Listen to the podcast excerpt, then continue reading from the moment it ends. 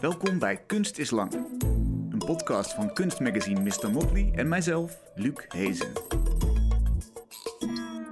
Dag, leuk dat je luistert. In Geluidsstudio Stil praat ik vanavond met Lana Message. Ze probeert in haar fotografie het onzichtbare vast te leggen. In haar afstudiewerk Clever Eyes bijvoorbeeld, daar ging het over de verbeelding van geesten en het goddelijke. Praktisch onmogelijk natuurlijk, maar daarom niet minder interessant. Een naaktkat die in verrukking omhoog kijkt, een man in wit gewaad met lange witte haren en een witte baard, of de schitterende lichtgevende haarvaten van een scheut elektriciteit die heen en weer schiet. Voor de reeks Anatomy of Forgiveness bezocht Lana slachtoffers en daders van de genocide in Rwanda. Ze onderzocht of het mogelijk is om vergeving vast te leggen. Een reeks die ver van huis begon, maar gaandeweg een vergelijking kreeg met Lana's eigen geschiedenis. Ze werd geboren in Zagreb, destijds nog onderdeel van Joegoslavië, maar sinds 1992 van Kroatië. Over haar eigen wortels en het feit dat ex-Joegoslaven nog steeds geen punt van vergiffenis kunnen bereiken, gaat haar recente reeks When You Point One Finger, Three, three of Them Are Pointing Back. Welkom Lana, leuk dat je er bent. Ja, dankjewel. Je afstudeerwerk, Clever Eyes, alweer bijna tien jaar oud, maar volgens mij nog steeds belangrijk voor je werk. Het onzichtbare vastleggen, dat is natuurlijk technisch onmogelijk. Maar wat heeft het je wel opgeleverd, dat project? Nou ja, ik vind het heel interessant dat wij als mens, dat wij in principe iets bedenken, dus dat er iets bestaat. En voor, vervolgens zeggen, ja, maar daar is geen beeld bij. En wij zijn die enige dier die daar in staat is. Dus wij zeggen, er is een God of er is iets goddelijks. Mhm. En vervolgens zeggen we, maar ja, daar is geen beeld bij. En ik vind het fascinerend dat wij dat telkens in onze leven daarmee eh, te maken hebben. En eh, dat onderzoek ik in mijn werk. En ben je dichter bij het antwoord gekomen waarom dat dan zo belangrijk is? Of waarom we dat überhaupt doen, iets onzichtbaars verzinnen? Ja, omdat ik denk dat eh, onze, om, om als, als ras, als, als dieren, wij zijn enorm gecompliceerd geworden omdat de, eh, in, in, in ons eentje, we kunnen niet overleven. Dus eh, onze overlevingsstrategie is groepen te vormen. Mhm. En dat groeit en groeit en groeit. En, omdat, en daar worden gewoon, daar, of hoe moet ik wel zeggen, eh, daar komt erbij, die complicaties moeten we kunnen uitleggen aan elkaar. Mhm. En ja, daar verzinnen we een soort van alles en nog wat om die complicaties te kunnen, of de complicaties, om dat te kunnen werken met ja, elkaar. dus een gemeenschappelijk verhaal met mensen die je helemaal niet kent. Dat, Ja. dat is bijvoorbeeld een god. En als, als je daar allebei in gelooft, dan heb je een manier om toch met elkaar te kunnen werken en elkaar toch te kunnen vertrouwen. Ja, precies. En er zijn gewoon ook verschillende manieren hoe we dat doen. Je noemt God. Ik ben niet, zelf niet eh, eh, gelovig. Maar bijvoorbeeld geld, daar heb je ook, dat is ook een geloofssysteem. Mhm. En het werkt alleen maar als we met z'n allen in geloven. Als we met z'n allen besluiten, nou ja, die pinpasjes, die nulletjes en eentjes, die werken niet.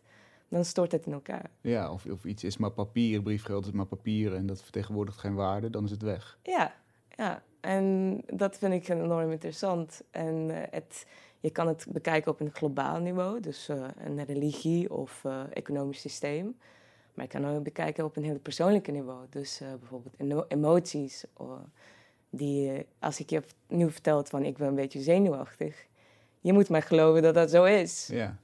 En je kan het misschien merken aan gewoon hoe ik me nu gedraag of zo. Maar nog steeds is het een, een soort geloof en, en exchange van, eh, van woorden misschien, of eh, hoe ik me gedraag. Hoe zou je dat fotograferen als je nu uitgaat van jouw gevoel van zenuwachtigheid? Wat levert dat voor foto op? Ehm, ik, zou dan, ik, ik ben dan gewoon heel erg fascinerend dat, dat we zeggen, dat, dat was ook in Cle- Clever Eyes. Ik vroeg aan mensen, hoe ziet er God eruit? En dan vroeg ik heel erg gelovige mensen. En eh, toen begonnen ze ook met, eh, ja, maar daar is geen beeld bij en dat kan niet en, en wat dan ook. Dus, maar ik was het steeds aan het fotograferen terwijl ze dat deden. En ze ge- gebruikten hun handen om dat, om dat tegen mij uit te leggen dat het niet kan. Maar op dat moment was het beeld van God in hun handen. Want je gebruikt je lichaam om iets uit te beelden.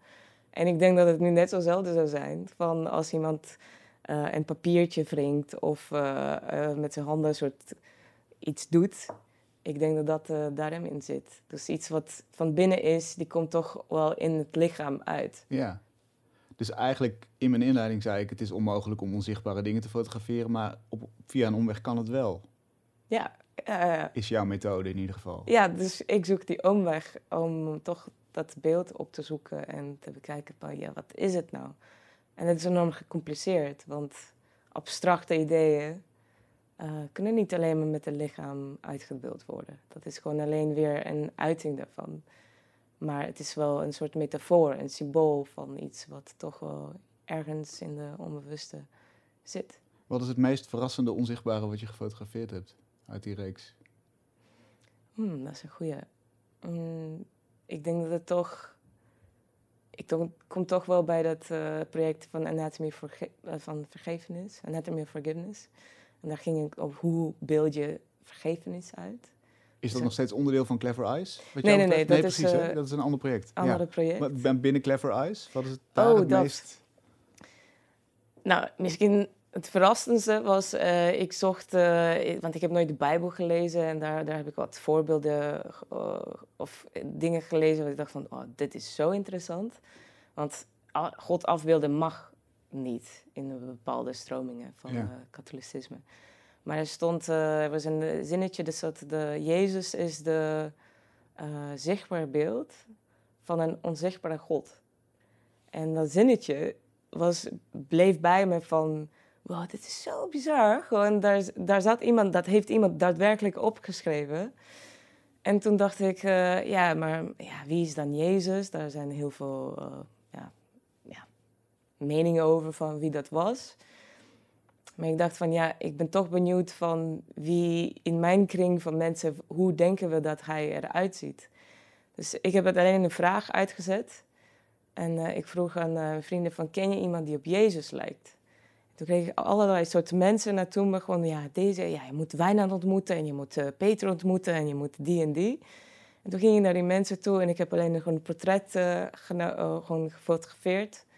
En dat vond ik zo grappig, hoe dat soort beeldvorming van een Jezus is. Die dan, dat je dan koppelt aan een, aan een zinnetje in een boek die dan hoe lang gewoon honderden jaar geleden geschreven is. Dat je toch dan komt van iets wat die onzichtbaarheid zichtbaar wordt. Ja. En dat vond ik, eh, ja, dat vond ik, dat, dat je dan bijna eh, handen kan schudden van iemand van zoveel jaar geleden. ja, en ook de representatie van een idee Ja, van pre- toen. Precies, ja. En dat we dat nog steeds soort van vasthouden. Zijn er ook dingen waarvan je... Zit er eigenlijk een kracht, zou je zeggen, in die onzichtbaarheid? Dus is het voor sommige dingen beter dat ze onzichtbaar zijn? Ehm, ja, ik denk dat het, eh, als je dat denkt van, als er, ik moet het altijd denken aan, aan een, aan, eh, een magic trick. Van, je ziet, soms zie je van die, van die trucs en er was ooit een, een, eh, een show die dat ontmaskert. Oh, En ja. dan, dan laten ze zien van wat er dan nou achter zit van zo'n truc. En dan denk je, oh, hmm, ik weet niet. Ik denk dat het mooier was toen ik nog niet wist hoe het in elkaar steekt. Ja, precies. Dus als je een goochelaar een trucs gaat uitleggen, dan is de magie weg. En dan ben je per saldo slechter af. Ja, dus dat, dat- je kan jezelf afvragen van in zo'n religie of in zo'n geloofssysteem dat de magie of soort dat je kunt verwonderen als je dat als dat allemaal alles zichtbaar is, is dat verwonderen misschien kapot. Ja. En toch zoek jij naar het onzichtbare.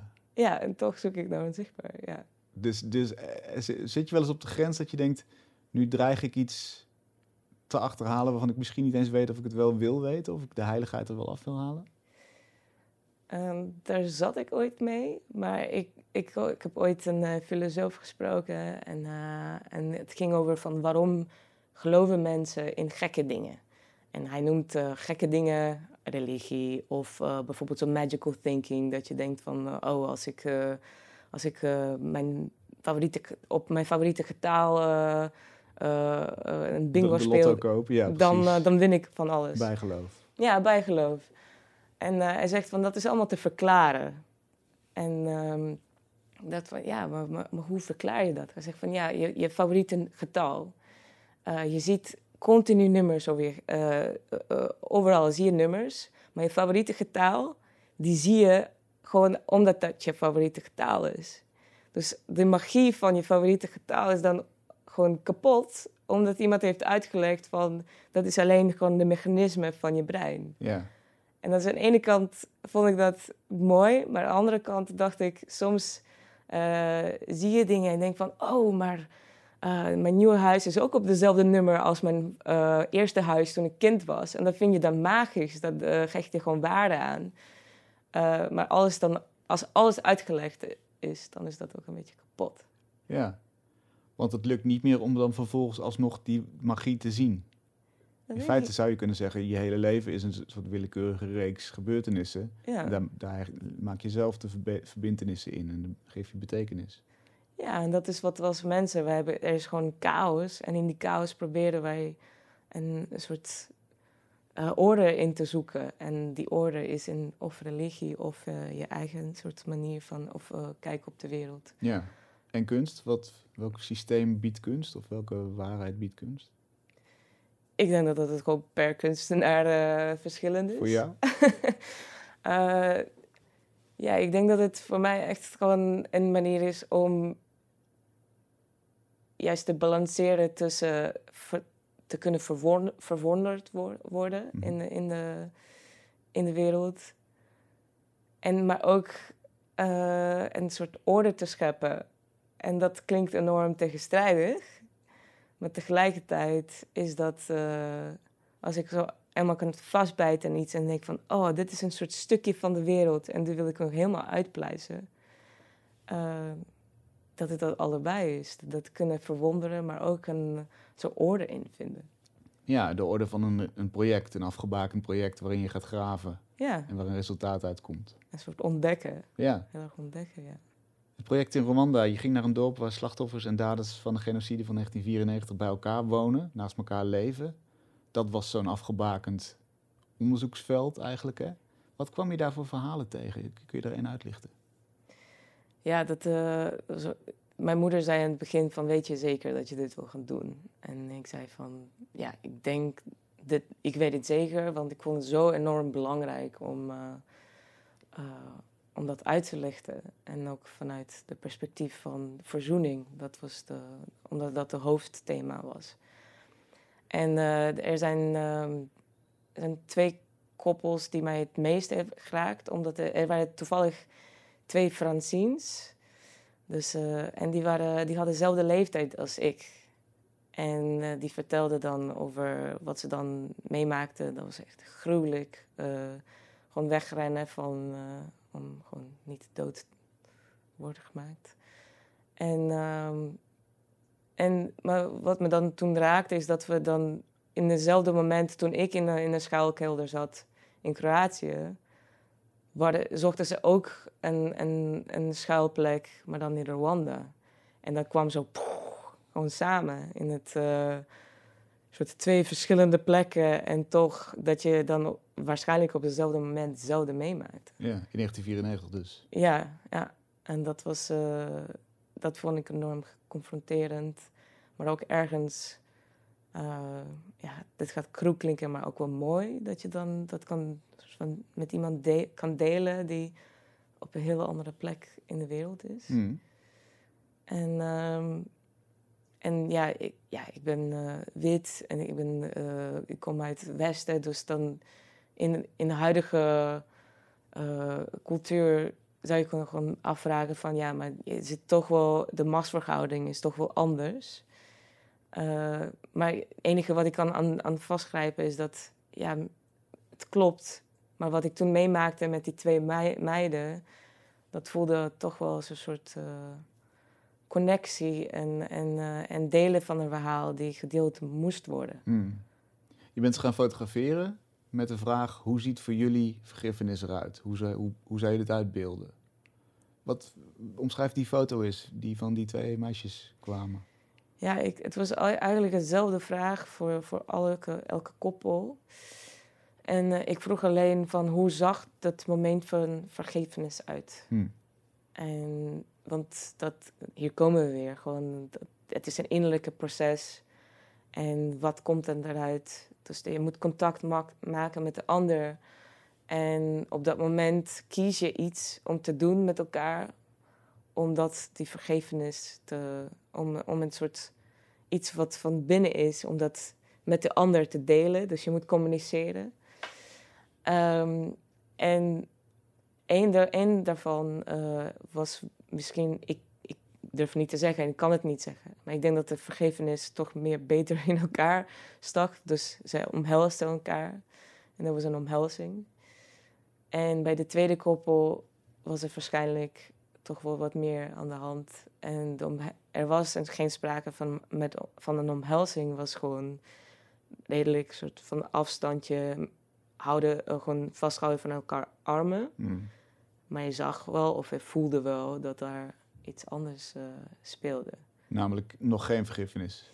Durf ik niet te zeggen. Dat, uh, dit, is niet aan mij om te oordelen. En dat is één belangrijke aspect van dat project. Is dat toen ik het eerste toonde in het Nutshuis in Den Haag. Ik was gewoon een beetje aan het rondkijken bij de tentoonstelling. En er was een oud meneer en hij zei van... Ja, maar ze zien er zo verbitterd uit. Dit is toch geen vergevenis? En, en dat vond ik zo mooi ergens, omdat ik dacht van... Ja, maar wat weet jij wat voor hun vergevenis betekent? Dus je maakt eigenlijk wat hun voor hun belangrijk is, wat voor hun van zoveel... Het heeft zo, uh, zoveel kracht uh, gekost om dat te doen... En jij, doordat je die foto ziet, je zegt van ja, maar dat is het niet. Ja. En dan, dan heb je over twee dingen te maken. Over zo'n westerse blik over hoe vergevenis eruit ziet. Is het zo'n Amerikaanse Pan smiles van ja, hey, oké, alles is weer goed. En uh, dat we kunnen oordelen over iemand anders uh, verzoeningproces is, is ook wel een soort schrijnend. Mm. Uh, dus dat vond ik een van de ja, ja, een soort ontdekkingen van hoe wij oordelen over iemands anders innerlijke processen.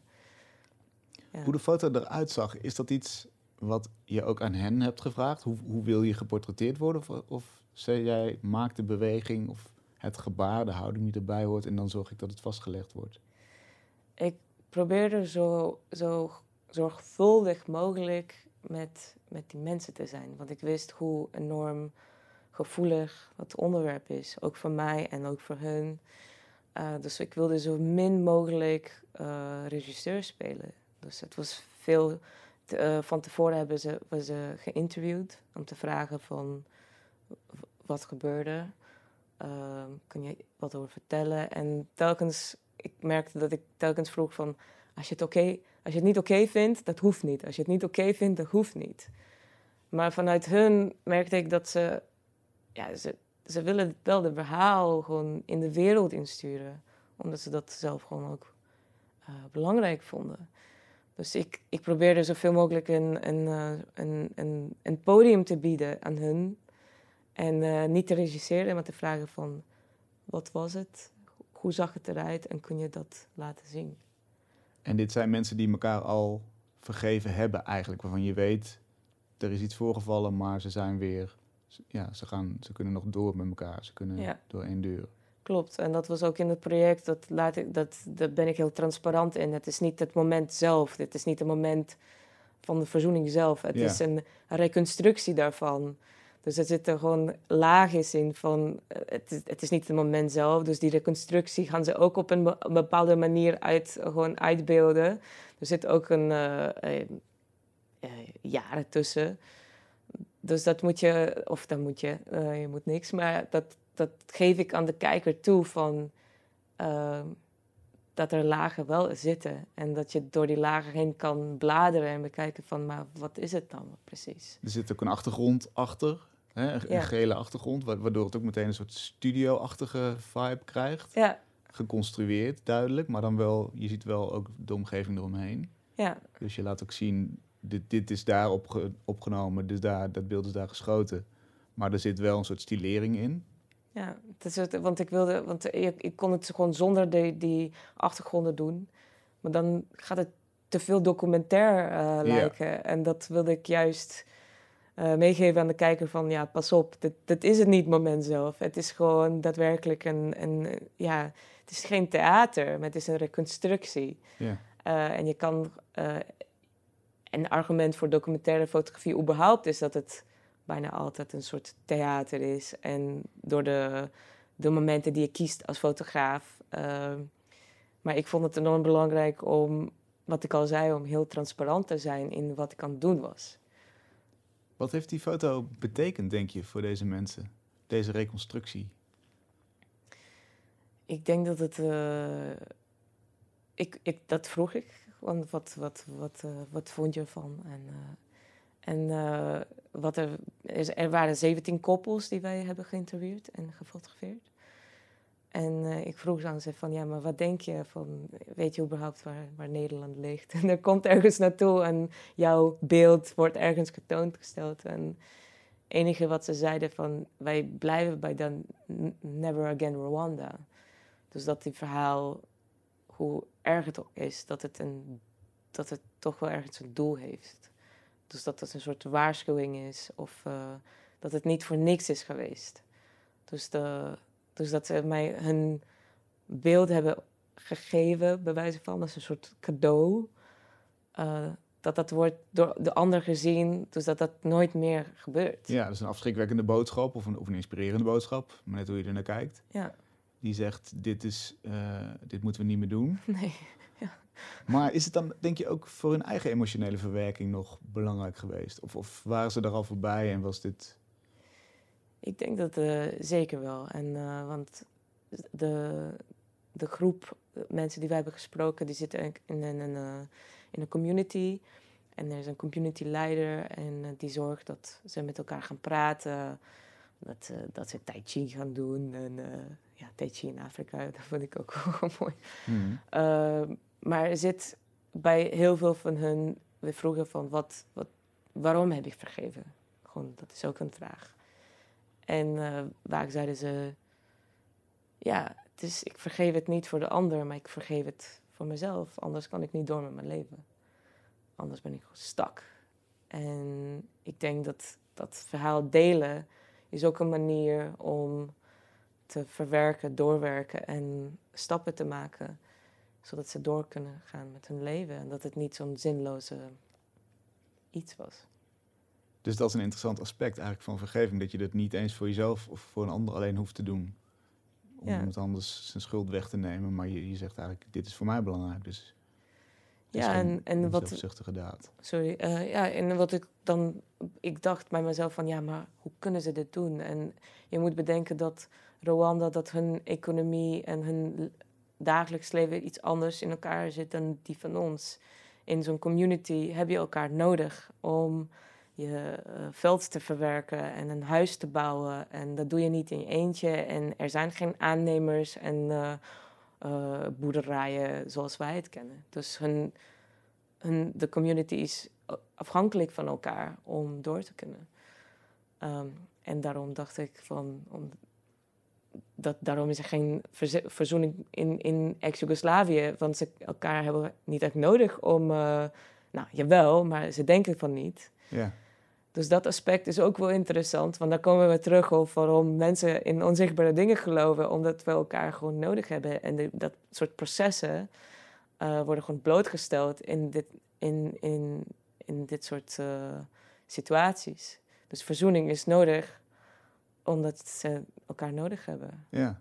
Je had dat project in Rwanda gedaan. Wanneer dacht jij, inderdaad, laat ik eens met deze bril naar de situatie in voormalig Joegoslavië kijken?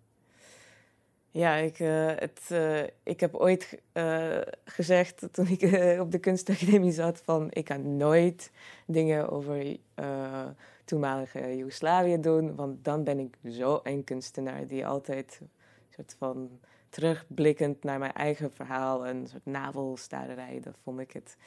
Maar ehm, Waarom is dat slecht? Waarom wilde je dat niet? Ja, want ik dacht van er zijn zoveel mooie dingen of andere dingen in de wereld van. En dan, dan, dan, dan, dan word ik in zo'n hok gezet waar ik niet meer uit kan. Hmm. En ehm, ja, het is één verhaal van veel verhalen. Dus dat vond ik. eh, ja, ik dacht van ja, het moet toch meer. Er, er is meer dan dat. Mhm. Ehm, en, to- en toch, en toch. en toch. Er was eh, in, in, eh, in Rwanda was een, eh, een, ehm, een genocide museum, of, of ja, museum, een, een, hoe noem je dat? Een herdenking, Herdenkingscentrum.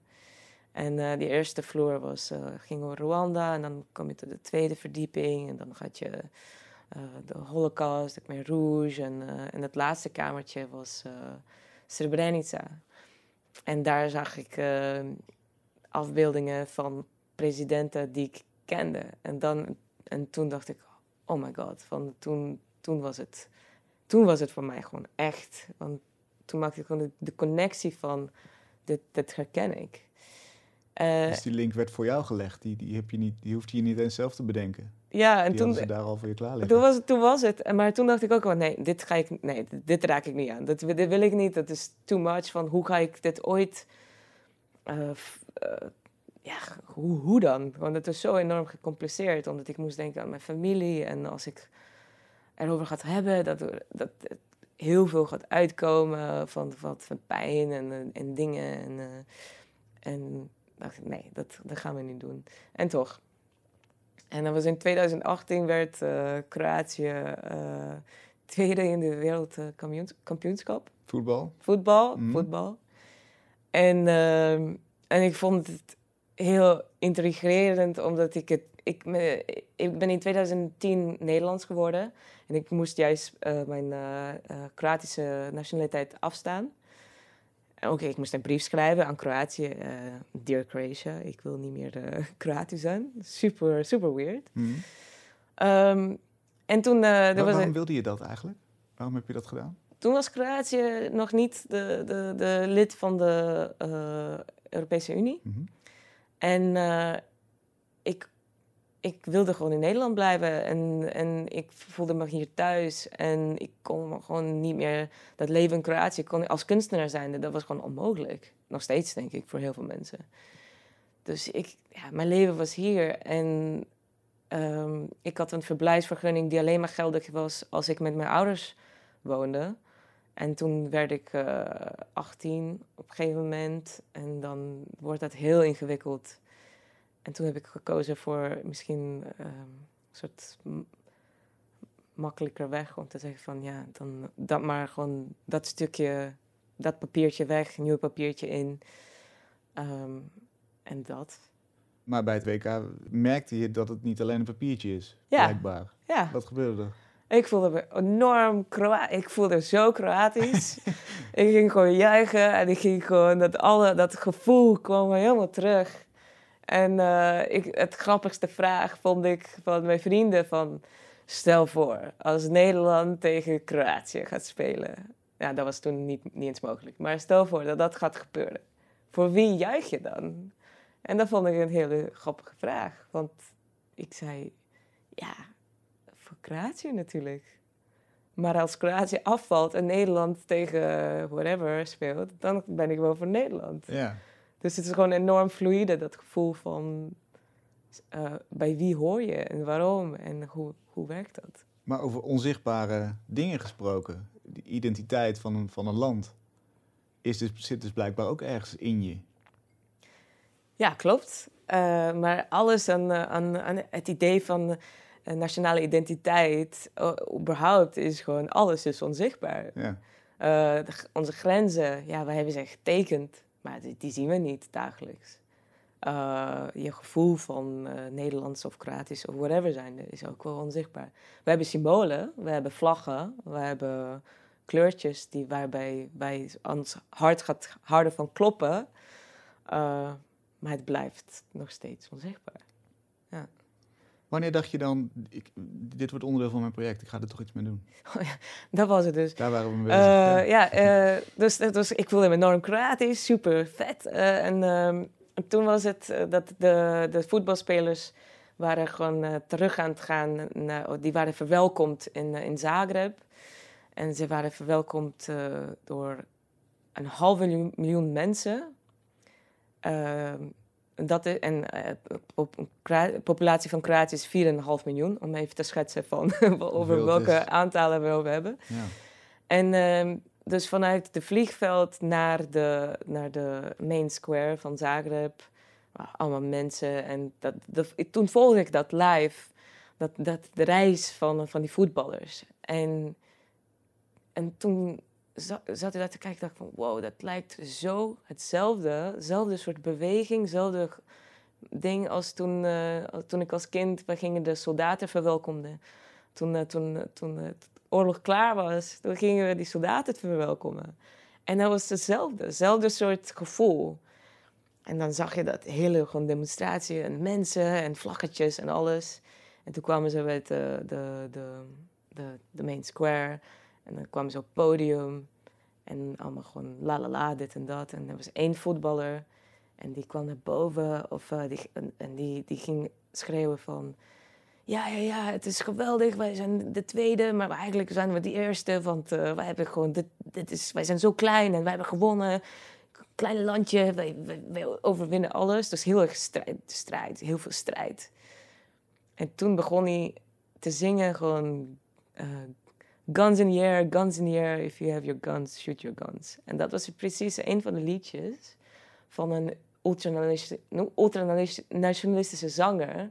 die tijdens het oorlog ook een grote, heel veel gewoon hitjes had over... met heel veel battle songs over hoe wij eh, de ander gaan eh, kapot maken. En dus op dat podium van voetbal, voetbalpodium, kwam dat nationalisme van de oorlog terug. En toen was de magie voor mij gewoon kapot. Toen, toen dacht ik, wow, dus datgene dat je kan voeden, dus dat, dat gevoel van thuis, eh samen, saamhorigheid, eh, we hebben iets bereikt, dat dat aan de ene kant kan voeden, maar de andere kant ook kapot kan maken. Ja, vernietigende kracht dus eigenlijk. Ja, en in, dat- in dat moment van die voetballer die dan opeens over guns gaat eh, over hebben, terwijl ze hebben gewonnen en het, al- alles is prima. Ehm, dat, dat, dat dat oorlog verleden roem terugkomt.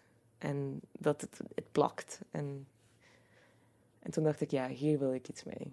Hoe heb je dat gedaan? Hoe ben je verder gegaan? Ja, ik, eh, ik vond het...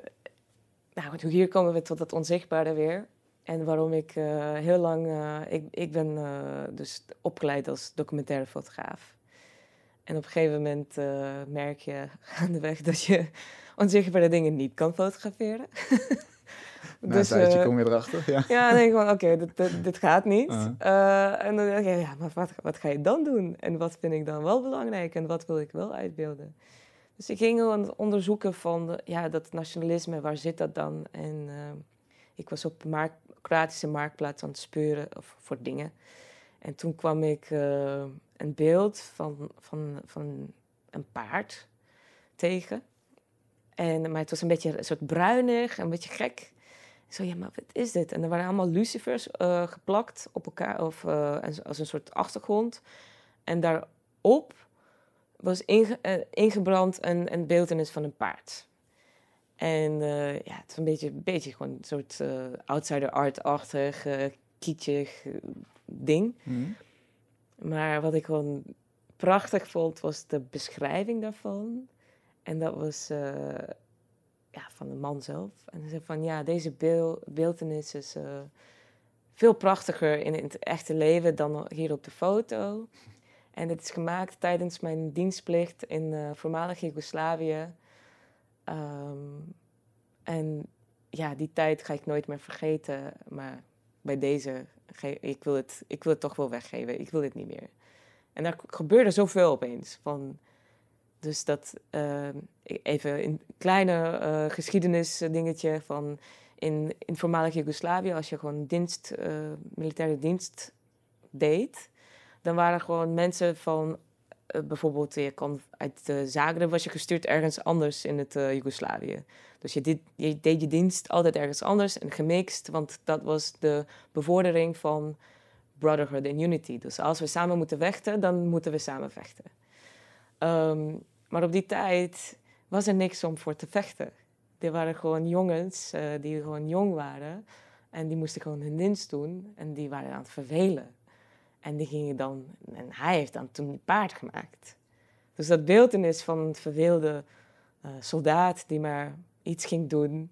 niet wetend dat... eh, twee, t- twintig jaar na dato moest hij gewoon daadwerkelijk een geweer oppikken. Maar toen was het maar een paard. En, Hmm. en, in die, en, ehm, en in die Lucifer zag ik een metafoor. En dat is namelijk dat, wat, ik, wat nationalisme ook weer is. Dat je, en Lucifer kan je licht bieden, je kan een vuur maken, je kan je eten voorbereiden. Ehm, dus je kan je voeden en licht geven en, en, en shelter. Maar tegelijkertijd, in een verkeerde setting, kan het ontploffen en eh, alles verwoesten. Dus dat was voor mij dan meteen een soort, ja, dit is hem. En eh, daar ging ik op door. ja.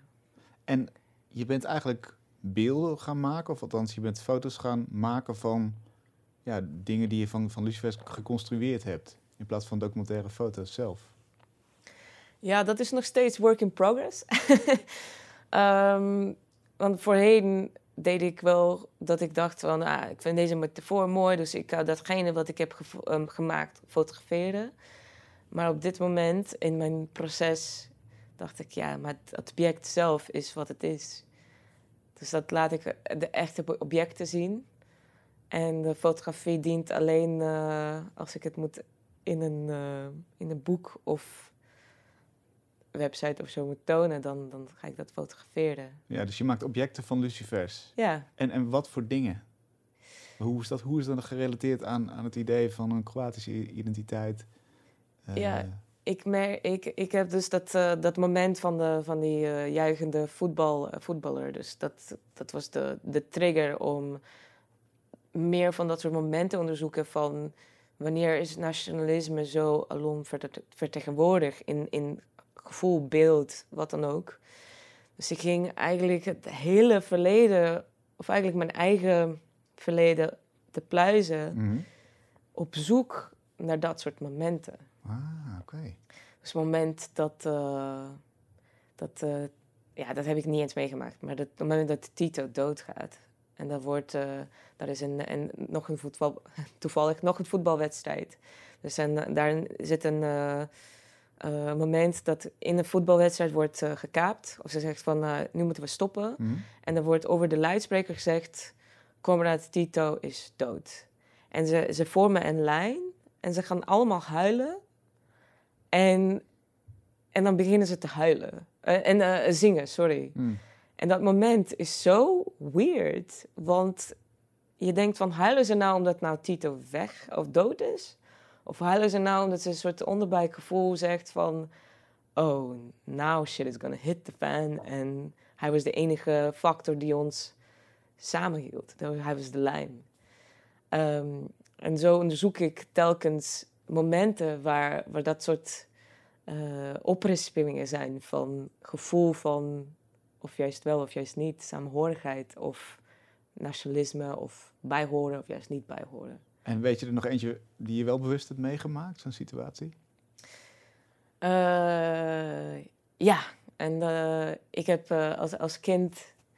ehm, ja, waren we in de, in de boomkelder en door je, van je ouders hoor je van ja, de, de, de vijand is daar ergens buiten. En voor een kind is dat gewoon ook een soort onzichtbare entiteit. Het is iets buiten. Mm. En eh, wij gingen dan uh, wij waren gewoon aan het, weer aan het verwelen, gewoon niks te doen. Dus gingen we datgene, de situatie die boven ons was, recreëren. Dus gingen we oorlogjes spelen. En, uh, in een schuilkelder? In een schuilkelder. Ja. En uh, we hadden... Hoe oud was je toen? Uh, ja, zo rond vijf, zes, zeven, ja. En... En we hadden Lego en toen gingen we Kalashnikovs bouwen van Lego. En in het begin waren we heel slecht in. En, maar Lego gaat kapot, dus dan, wordt, dat wordt, dan ga je het weer bouwen. En aan het einde van de oorlog waren we zo goed in die Kalashnikovs in elkaar te zetten... dat daar waren echt super mooie exemplaren van Kalashnikovs. Maar het spel werkte niet, want A, de, de guns ging telkens kapot. En B, niemand wou de server zijn. Dus de vijand, je bent geleerd dat de servers gewoon slecht zijn. Die, die wil je gewoon kapot maken. Dus in dat spelletje, dat kinderspelletje, um, niemand wou dat zijn. En dan terugkijkend denk ik van, wauw, dat is eigenlijk heel bizar.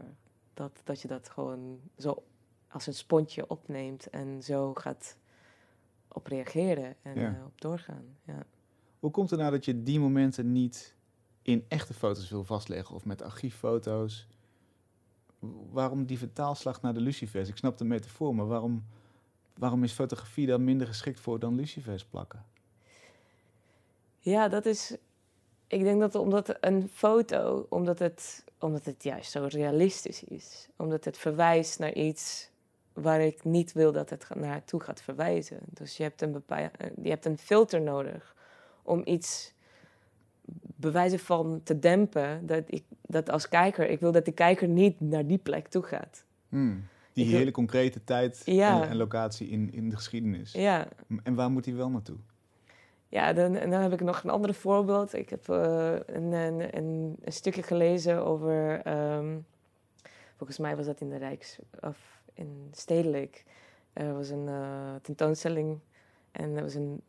Het, de schilderij Who's Afraid of the White, Yellow and. Uh, yellow, Green, Red, Red. Ja. Red, Yellow and Blue? Ja, die. ja. ja. En ik las dat er was één. dat er meerdere mensen zo fysiek reageerden, of een soort fysieke reactie hadden op die schilderij. Dat ze gewoon iets moesten doen.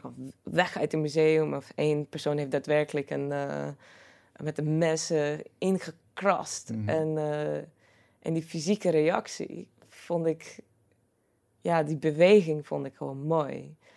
En wat ik merkte toen ik met de Lucifers bezig was... dat elke persoon die in de studio kwam... Die, eerste reactie was: wanneer gaat in de fik? Wanneer ga je dat in de fik steken? En, uh, en de tweede was: oh, maar het is ook wel, wow, hoeveel uren heb je daarin ingestoken?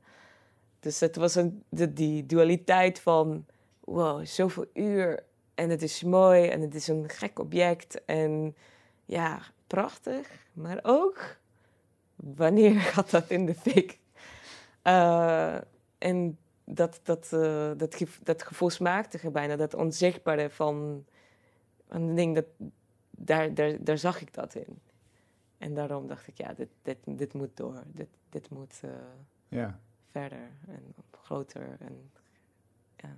en zie jij dan ook nog steeds de link met het idee van een nationaliteit? Dat, dat abstracte idee, uh, ontvlambaar, nog steeds het kan heel mooi zijn, maar het kan ook heel gevaarlijk zijn, zeg maar. Is dat, zit daar nog een soort van verdieping in, in, je, in je kennis daarover als je zo op deze manier bezig bent? Ja, en dat, dat merk ik. Uh, ik merk het vooral. Uh, ik, ik vind altijd het leukste om mijn moeder te vragen van. ik leg het naar haar uit van wat ik mee bezig ben. En dat is een soort van hele goede litmus-test van, van het kunstwerk. En, Waarom eigenlijk? Ja, want uh, als, je, als, als, je, als je het goed kan, als je ouders het begrijpen, dan dat is het gewoon een goede test van hoe misschien de, de rest van uh, de maatschappij. Want mijn, mijn ouders zijn uh, geen kunstenaars, die zijn ja, IT'ers. Dat is gewoon een heel andere wereldje. Ja. Dus daarom vind ik het altijd interessant om te, te, te, te, te, te peilen van doet het iets buiten je eigen bubbel. Ja, precies. Want daar, daar ben ik aan het doen. Dus uh, kunstenaars en mensen in de kunst gaat, die, die leggen links, die, die, ja, sneller die links die ik wil dat ze dat gelegd moeten worden. Maar dat voelt een beetje als preaching to your choir. Mm maar wil ik dat? Mhm. Eh, en als je met maatschappelijke, met dit soort onderwerpen omgaat, dan, dan denk ik van ja, maar de kunstenaars die, die zijn toch wel een beetje linksig. En die, die, die zijn toch wel tegen dat soort ideeën. Dus dan. Daarom, daarom is er zo mijn moeder een goede test. En uh, ik vroeg aan haar, nou, dit ben ik aan het doen. En, uh, en haar eerste reactie was: Oh mijn god, maar ben je niet, bij, ben je niet bang voor doodsbedreigingen? Dat dat die eerste reactie. En dat vond ik gewoon, dacht ik, ah, nu ben ik op een goede spoor. Mm. Want dus daadwerkelijk en kunstwerk, in haar hoofd kan een kunstwerk zoveel teweeg brengen dat bij de ander mij wil gewoon met de dood bedreigen. Dus of het nou geslaagd is of niet, dat uh, durf ik niet te oordelen. Maar dat, uh, dat, dat, vond ik uh, een, een, een, ja, een, een goede reactie ergens. Want dan betekent het iets, dan brengt het iets teweeg. Ja, dus dat het dan toch. ehm, dat er dus dat ik zei altijd dat dat kunstwerk is een soort Rorschach-test van eh, hoe jij naar kijkt is het, het is gewoon het is maar iets, Mm. maar hoe jij wat je hoe je het waarneemt en wat je wat voor ideeën dat teweeg brengt, dat zegt veel meer over jou dan over het kunstwerk zelf. En dat is wat nationalisme ook weer is. Het is ook een, het is maar ne- net hoe je instaat. En eh, ehm, iemand met, eh, die, die niet heel erg nationalist is, wat, wat je, denkt, je zou denken van ja, dat speelt bij mij niet. Maar ja, wacht maar tot, tot het eh, Nederland eh, bijna in de finale is van de Wereldcup. Wat, ja, zeker. of als je land wordt binnengevallen door een ander land. Ja. Ben je dan ook anders over je eigen gevoelens gaan denken? Wat dat betreft? Ja, ik dacht altijd.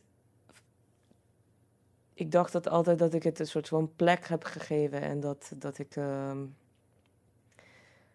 dat het maar een, zoals ik zei van over, over dat Nederlands worden, dat het maar een papiertje is. En dat, eh dat een voetbal is iets anders. Het is een andere leven. Het is niet een echte leven. Maar hoe meer ik in deze project indook, ja, er was een besef van wow, maar ik ben ook vatbaar. En ik ben ook eh, een mens die gemanipuleerd kan worden met eh, mooie vlaggetjes en, eh, Ja. en, en voetbal. En kunnen we eigenlijk wel zonder dat construct van behoren bij een land? Hoe denk je daarover? Ehm, ja, ik denk het niet. Wij, zijn, wij hebben elkaar nodig om te overleven. En, en onze systemen zitten zo in elkaar dat we, we, wij kunnen niet meer op eh, ergens in de middle of nowhere in een hut wonen. Want ja, dat, dat zijn we overheen. Dat, dat bestaat niet meer bijna. Dus wij hebben elkaar, dat, dat construct hebben we nodig om ja, deze microfoon te, te laten produceren en eh, hier te kunnen zitten en eh, internet te hebben, whatever. Gewoon, dat, dat is gewoon wat het is. Het enige is dat, dat het besef van wat het dat teweeg kan brengen als je te veel aan, eh, als je verkeerde waarden aangeeft, Ja. is dat Maar waar ligt die grens wat jou betreft? Hoe, hoe, hoe zouden we daarmee om te gaan? Ja, ik denk dat het, eh, dat, dat het toch wel gewoon meer begrip voor, voor de ander is. Dat, is, dat blijft. eh, ik blijf dat soort herhalen van de persoon die je niet kent is altijd de other. En de persoon die, die je wel kent, wordt dat, dan heb je daar meer een soort gevoel voor. En dat, dat zie je gewoon terug wat er nu in Oekraïne gebeurt. Van hoeveel vluchtelingen hebben wij met open armen ontvangen, omdat dat Europese of ja, in dichterbij vluchtelingen zijn. Mm. In vergelijking tot vluchtelingen uit Afrika, die wij nog steeds als gewoon moeilijke vluchtelingen vinden. En dat is alleen door het besef van, maar die horen bij ons. En hoe meer we die linken leggen dat mensen bij elkaar horen, hoe minder hoop ik dat conflicten uit voortkomen. Ja. Super gesimplificeerd, weet ik. Maar- Ja. Dan is de vraag, kunnen wij bestaan in één grote groep? Als de hele wereld één grote groep is met die met elkaar verbonden is en er geen onderscheid is, is dat, is dat mogelijk? Ja, eh, ja, het is het toch. ehm, dan komen we weer terug op de documentaire fotografie naartoe van dat verhalen die gedeeld worden. En als je dan gezichten bij een verhaal kan plaatsen en, en dat dat niet een soort eh, ongedefinieerde iets is, maar dat het bij, bij elk verhaal een, een, een persoon achter staat. En als we die verhalen delen, dat het er toch wel ja, het kan zijn dat iemand van een ander land komt, maar om door die verhalen te delen, dan voel je je toch wel verbonden aan, aan iemand anders. Zoals ik dat voelde met zo'n Francine in, in, in Rwanda. Omdat je ook rond 94 ondergrond zat te schuilen voor, voor vreselijke dingen. Ja, en dat, eh, dat is wat denk wat, wat we doen met kunst en, en films en, en muziek en ehm, ja, probeer toch wel die momenten van connectie te, te creëren. En die zijn enorm belangrijk, want die momenten connectie zorgen ervoor dat, we, dat wij en hun gevoel ja, iets verzacht. En dat je dan over die drempel heen kan zijn om iemand te begrijpen. Wanneer kunnen we je werk zien op korte termijn? Je hebt ook de Lego Kalashnikovs, ben je nu aan het maken weer, hè? Ja, nee, die Heb zijn al klaar. Ja, die zijn al klaar. In, eh, in Berlijn, ehm, er is een eh, hele, hele toffe plek, heet Urania. En daar worden de, dat was die eerste test om de, de when you point one finger, there are three pointing back, te la- eh, die worden daar getoond. En ook de Lego Kalashnikovs. En dat is in, samen met eh, een aantal andere Balkanse kunstenaars, maar ook Oekraïense kunstenaars. En die worden gewoon getoond samen om eh, weer. Het klinkt heel cruel, maar gewoon dat, dat, conflict eh, te tonen. En dan weer dat, ja, dat, daar zit de connectie in. Ja. En, ehm, dat is een 14 juli is die opening. 14 juli in Berlijn, Ja, Urania. Urania. Dankjewel. Ja, jij ook. Tot zover deze aflevering. Die werd mede mogelijk gemaakt door het Amsterdam Fonds voor de Kunst, het Jaap Hartenfonds en door donaties van jullie. Veel dank daarvoor. We zijn er volgende week weer.